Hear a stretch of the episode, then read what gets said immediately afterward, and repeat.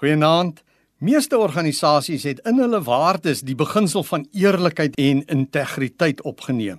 Tog is dit die een saak wat so baie in die nuus is omdat mense in hofsaake, dissiplinêre verhore en afdankings betrokke is juis oor integriteit.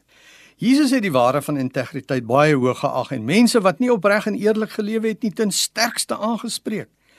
Jesus het mense wat voorgee en dubbele lewens lei huigelaars en skynheiliges genoem.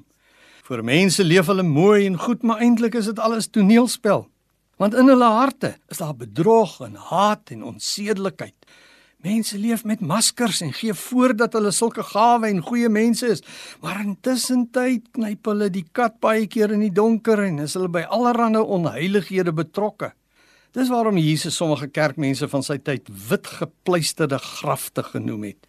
Van buite af het hulle in die son geblink as pragtige grafmonumente, maar eintlik was hulle soos grafte onrein en geestelik dood in hulle binneste. Hulle is soos blink bakke en bekers wat buite blink gevryf is, maar wat binnekant gevul is met gesteelde goed, vraatsigtigheid, dronkenskap, onreinheid.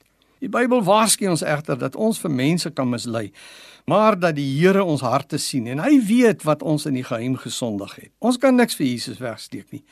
Daarom het hy gesê in Lukas 12 vers 2 en 3: Daar is niks bedek wat nie onthul sal word nie en daar's niks geheim wat nie bekend sal word nie.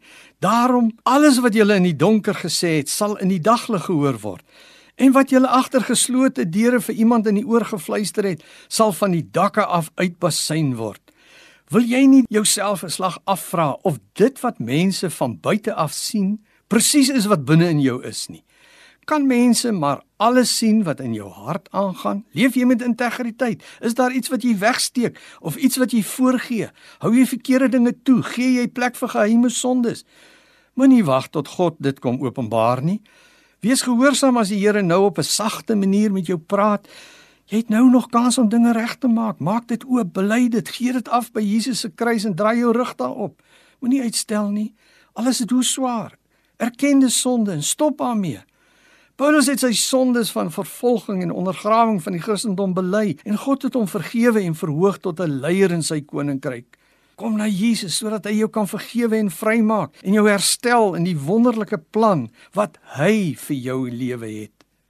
Jesus, ek wil deursigtig en skoon voor U staan. Ek bely my skynheiligheid soms, my oneerlikheid, my sonde. Dankie dat daar by U vergifnis is. Amen. Goeienaand.